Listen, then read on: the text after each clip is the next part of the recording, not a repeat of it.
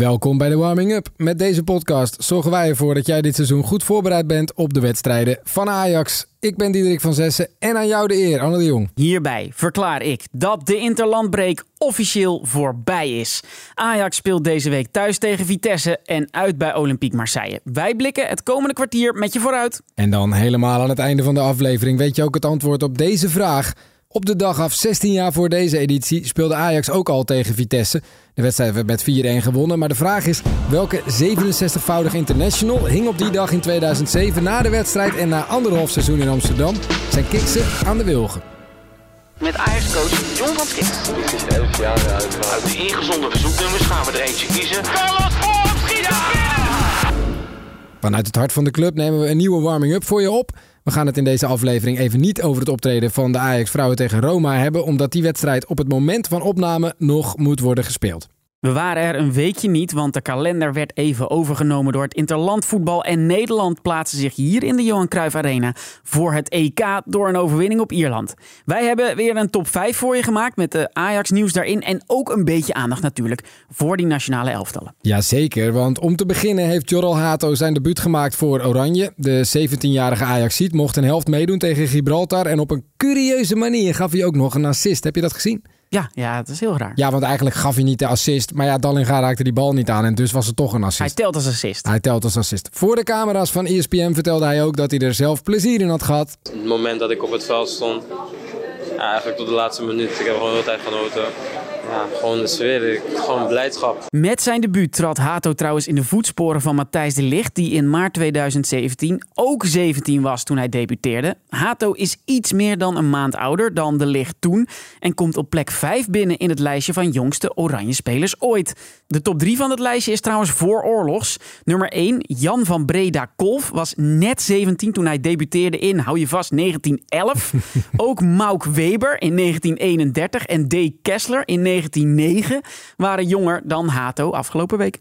En er waren natuurlijk nog meer Ajaxiden die de afgelopen week in actie kwamen voor hun land. Eh, het was niet overal nog even spannend, maar voor WK-finalist Kroatië was echt een kantje boord. En die ploeg heeft in dit seizoen een uh, Amsterdams tintje. In de allesbeslissende laatste groepswedstrijd wonnen de Kroaten nipt van Armenië 1-0. Josip Soutalo en Borna Sosa begonnen in de basis en maakten de 90 minuten vol. Gefeliciteerd Josip en Borna die nog een assist gaf. Ja, hij gaf een assist. eh, De beslissende, heel belangrijk. Kenneth Taylor was belangrijk voor Jong Oranje tegen Gibraltar en vooral tegen Zweden, waardoor EK-kwalificatie in zicht is. IJsland is bezig aan een dramatische kwalificatiereek en op dat eiland komen ze er wel eindelijk achter hoe groot het talent van Christian Linson is. Hij debuteerde in een uitwedstrijd in de basis. Ze verloren wel met 4-2.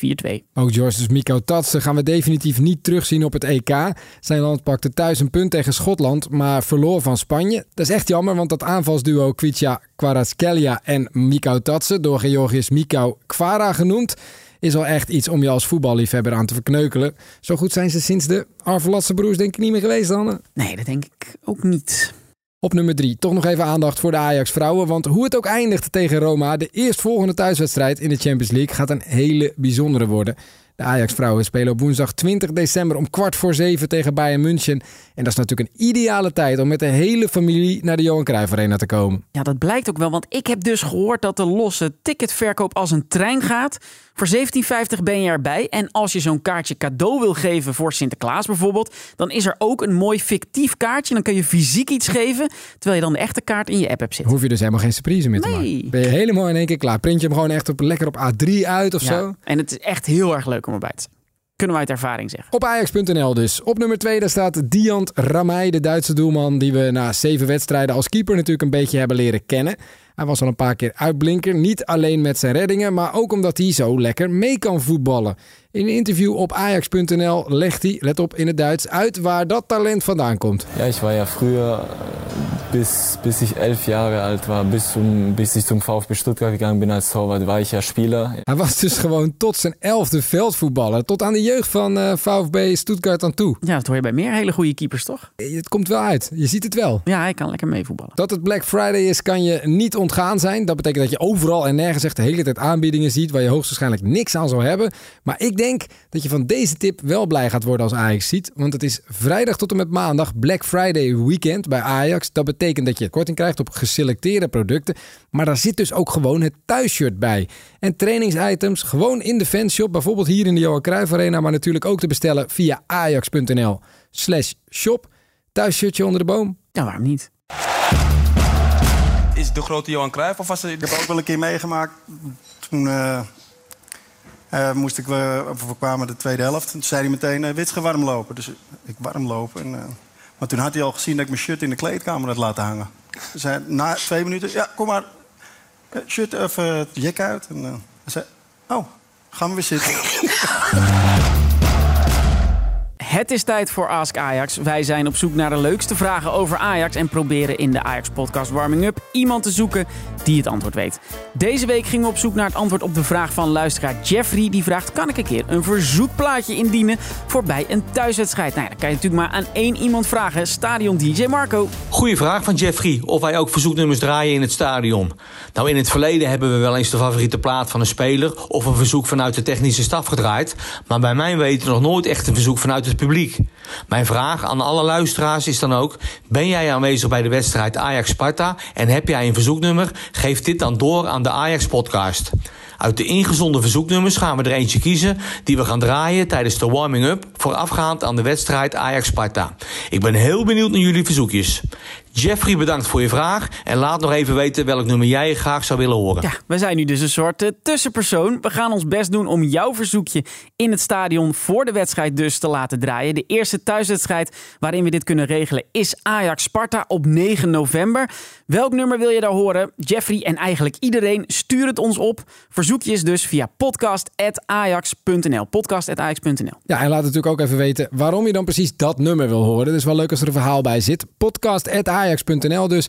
En hier zijn natuurlijk ook jouw vragen voor Ask Ajax. Welkom. De eerste wedstrijd waar we met deze podcast op vooruitkijken is Ajax-Vitesse. Het duel in de Johan Cruijff Arena staat onder leiding van Dennis Hichler. En zojuist sprak Hein in voorbereiding op die wedstrijd met Ajax-coach John van Schip. Zaterdag is de hervatting van de Eredivisie dan weer tegen Vitesse. Wat verwacht je van die wedstrijd? Ja, het is natuurlijk altijd een, uh, een, een, een, een, wedstrijd als je... Nou, ik ben natuurlijk net ook zelf begonnen, maar als, als er weer verandering is bij een, bij een club met een andere trainer... alhoewel Edward geloof ik voor de, ja. voor de achtste of negende keer is ingestapt. Ja. Maar het geeft wel weer een, een andere energie uh, in zo'n groep. Uh, misschien wat andere spelers die een kans krijgen. dus ja, daar moet je gewoon heel goed op voorbereid zijn. Maar het allerbelangrijkste is dat we natuurlijk gewoon zelf klaar zijn en, uh, en weten wat, uh, wat ons te wachten staat en wat we moeten doen. Ja, wat hoop je van je ploeg te zien?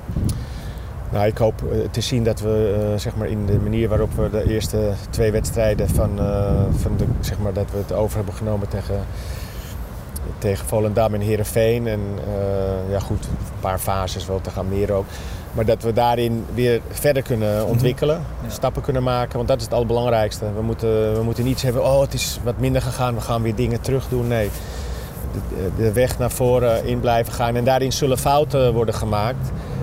Maar beter dat je dan die maakt en daarvan leert en gewoon wel op die wijze doorgaat dan dat je elke keer uh, maar weer gaat aanpassen en, en, en wil veranderen. Goed, we zullen uiteraard af en toe moeten aanpassen als er veel blessures zijn of uh, schorsingen of wat dan ook. En je komt een aantal spelers in een positie, kom je zeg maar tekort.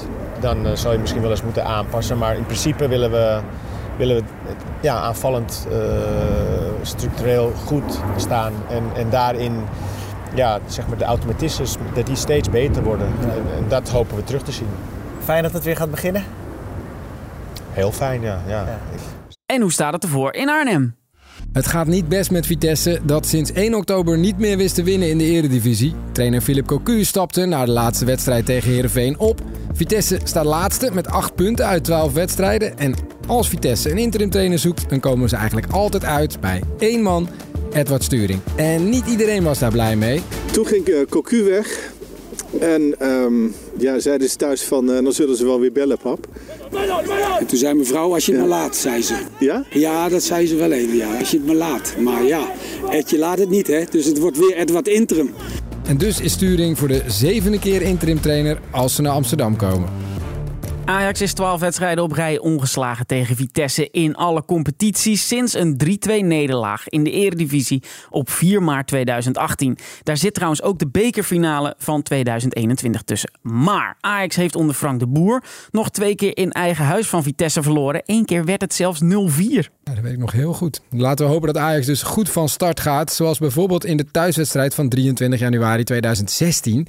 Toen Anne bij Ajax Radio de opstelling van Vitesse nog aan het doornemen was, gebeurde toen dit. De Ota van de Werf, Kruiswijk en Dix achterin. Jaini Nakamba, viel op het middenveld. En een grote kans en Bazoer die maakt! Nou, ik kan het niet eens afmaken. Het is Richetli Bazoer die het wil horen hoor. Ja, en achteraf bleek Bazoer hiermee de eindstand op het scorebord te hebben gezet. Laten we ook nog even teruggaan naar de allereerste Ajax-Vitesse. Ajax besloot een vrijwel perfect seizoen op 19 mei 1972 met een monsterzege op de Arnhemmers.